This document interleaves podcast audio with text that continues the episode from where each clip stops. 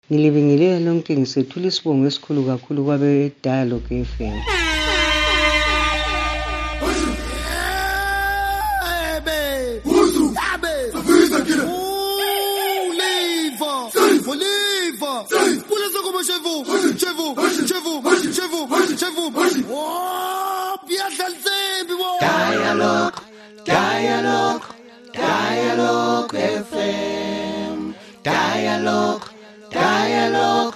Dialogue FM. Ulalele i-Dialogue podcast oyiphathelwe yi-Dialogue FM. Let's chat about it.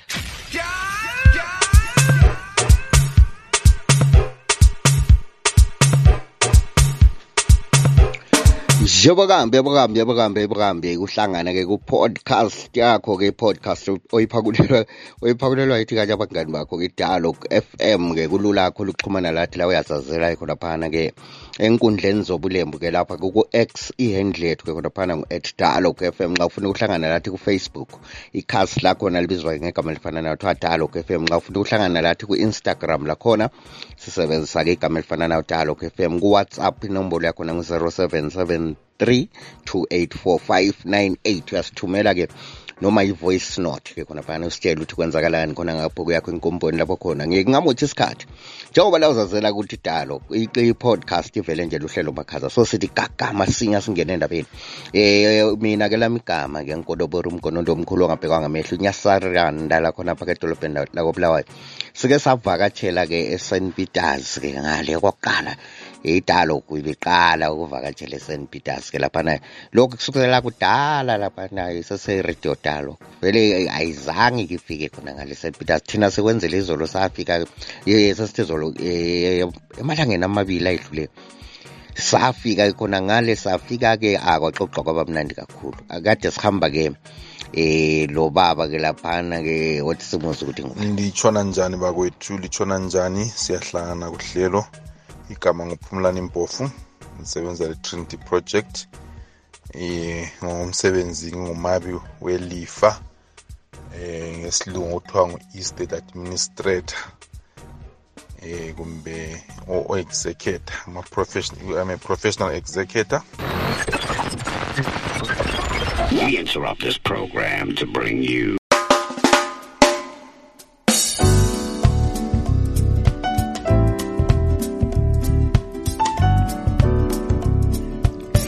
nje uphike khona ngale kwaxoxwa kabanzi kakhulu ngendaba ke zokwatshiwa ke kwamafa kanye ke eh le ndaba ezifana lezo naleziyana ukuthi ama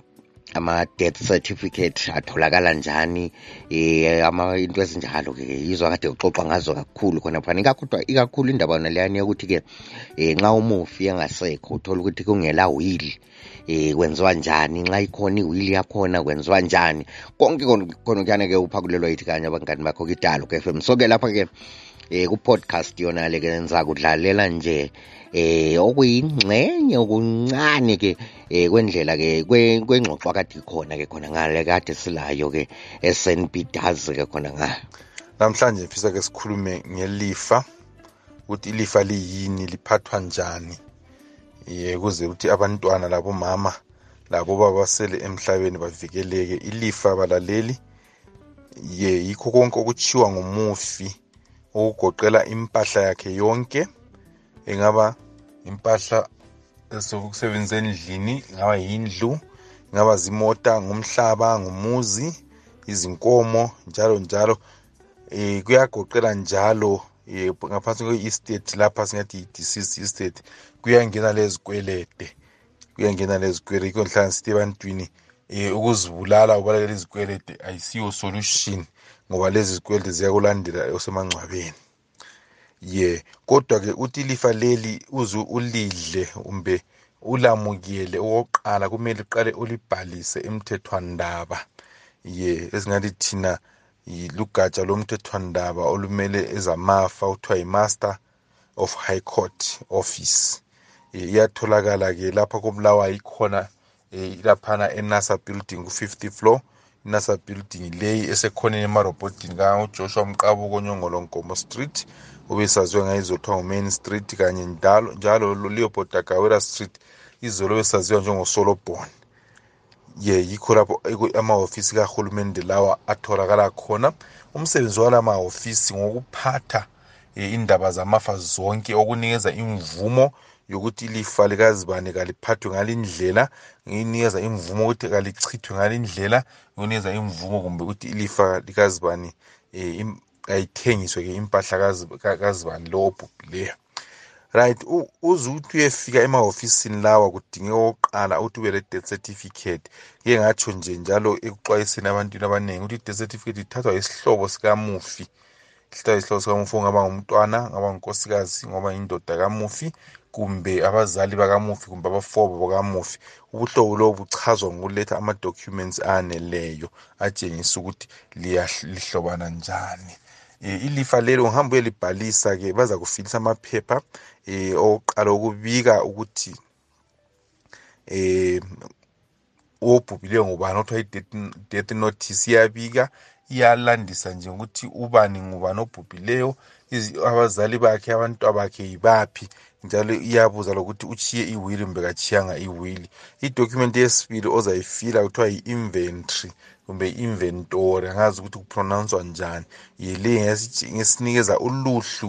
um lwempahla zikamufi azitshiyile kwaye ndawonye lezikwelede azitshiyile kumbe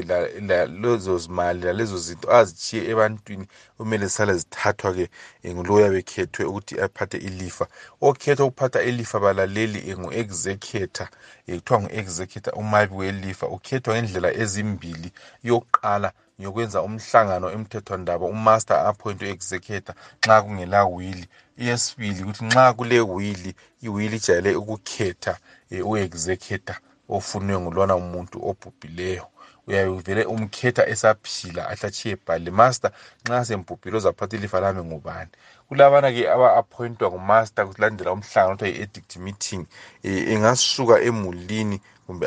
abe ngi-professional executor umsebenzi um walaba bantu ngoku-ensure ukuthi ilifa likamufi liyaphathwa ngendlela efaneleyo lize liyefika emaphethelweni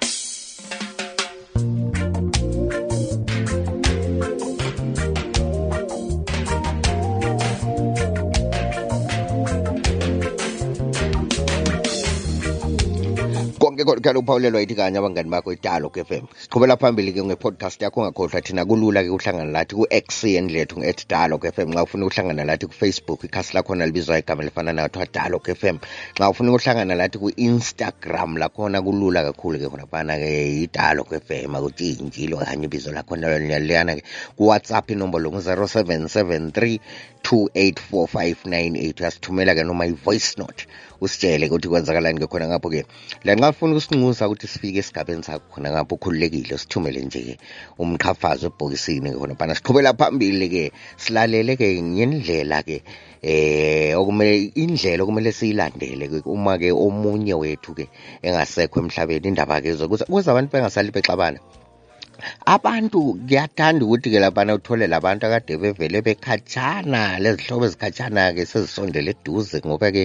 umufi utshiya impahla eningi lanhlani abantwana okuyibo kumele bezitholele zani izinto becine bengazitholanga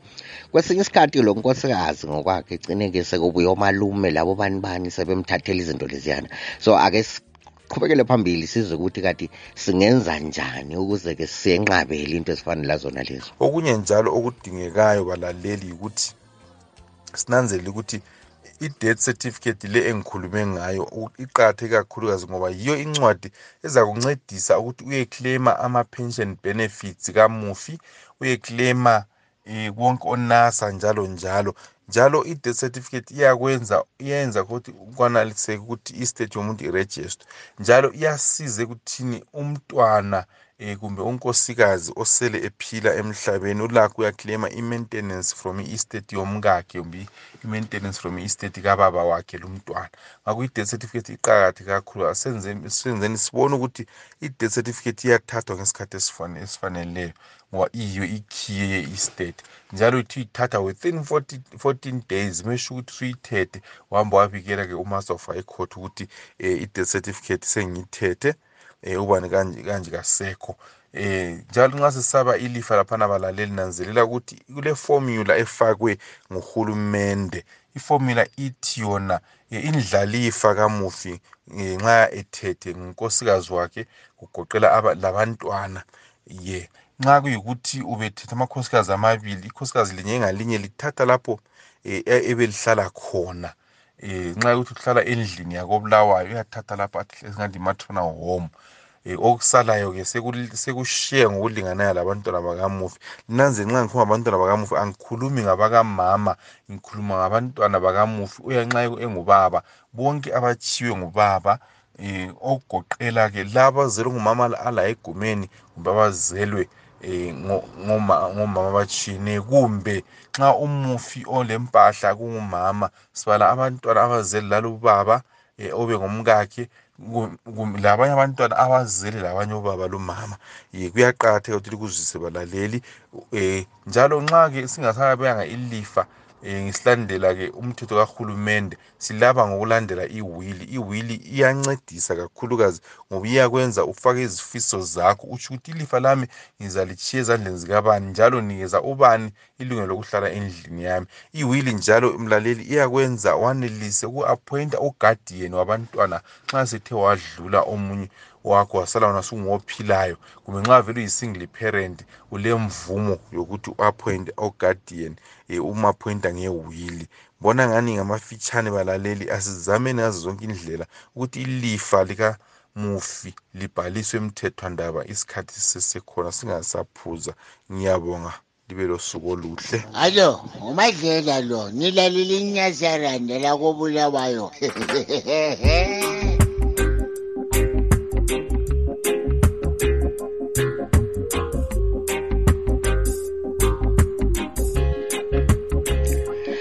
njengoba njengoba kambe ngalokho-ke sesifike-ke kongcengetshe ku-podcast yakho-ke yanamhlanje i-podcast athi uyiphakulelwa yithi kanye abangani bakho kidalo f m nxa ufuna ukuhlangana lathi-ke lawe kumbe ndingafuna ukuthumela ki-voice note-ke um utsho ukuthi wena uzwe njani ingxoxo akade silayo yona lena mphom ke ngahle phuna nje kancane yonke ibiyingxoxo ende kakhulu ngoba sithethe-ke eh amaholo athize sixoxa ke khona ngale lazakhamizi kuphendulwa imibuzo eh landani kodwa sithe sesihamba ke laphana ke sase sivaleliswa ke ngu mphathi wesigaba ngilibingelela lonke ngisethula isibongo esikhulu kakhulu kwabe-dialogue f m bafikile esigabeni sangakithi esesenpeter sehyde park bezofundisa izakhamizi izifundo ababaphe zona bezimayelana lamalifa ukwabiwa kwamalifa abantu abangabhenefitha kumalifa wona lawo abantu abafanele baphiwe lokhu lalokhuyana ukwabiwa ukuthi kwabiwa njani sikubongile kakhulu konke khona lokho ngoba abantu bebengakwazi abantu abaningi kakhulu kuboficakala ukuthi abanye baluza izinto ababefanele bazithole abanye njalo bathola lapha babefanele bangatholi khona abanye njalo lokhu kujamile kunjalo kungenziwanga lutho kungalungiswanga ngamalifa lawo ngenxa yokuthi kabazi ulwazi ebantwini luyanceda kakhulu ngoba imfundo yilifa elikhulu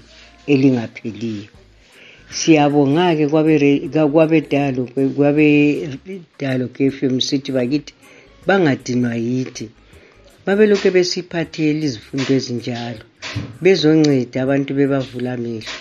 ngoba babe bengakwazi abantu babuyile sibili ngobuningi babo bezokuzwa bezofunda njalo babongile kakhulu like I said, it's been three years since I'm knocking on your door so ke lawe ke ulakho ukusilandela ke ku-x iyendlethu ngu-at dalog fm nxa ufuna ukusilanda ke kufacebook ikhasi lakhona libizwa ngegama elifana nayo dialog f m nxa ufuna ukuhlangana lathi ku-instagram lakhona-ke sihamba ke sisebenzisa-ke igama elifana nayo udialog f m kusukusela kimi-ke igodobori umgonondo omkhulu ngabhekwa ngamehlo inyasaranda lakhona phaka edolobheni lakobulawayo ngithi hayi kona namhlanje kwanele asibuye sihlanganeke kwenye i-podcast elandelayo dialog dialog dialog f m dialog dialogue, dialogue FM. Ulalele dialogue podcast oyiphathelwe i dialogue FM. Let's chat about it. Yeah!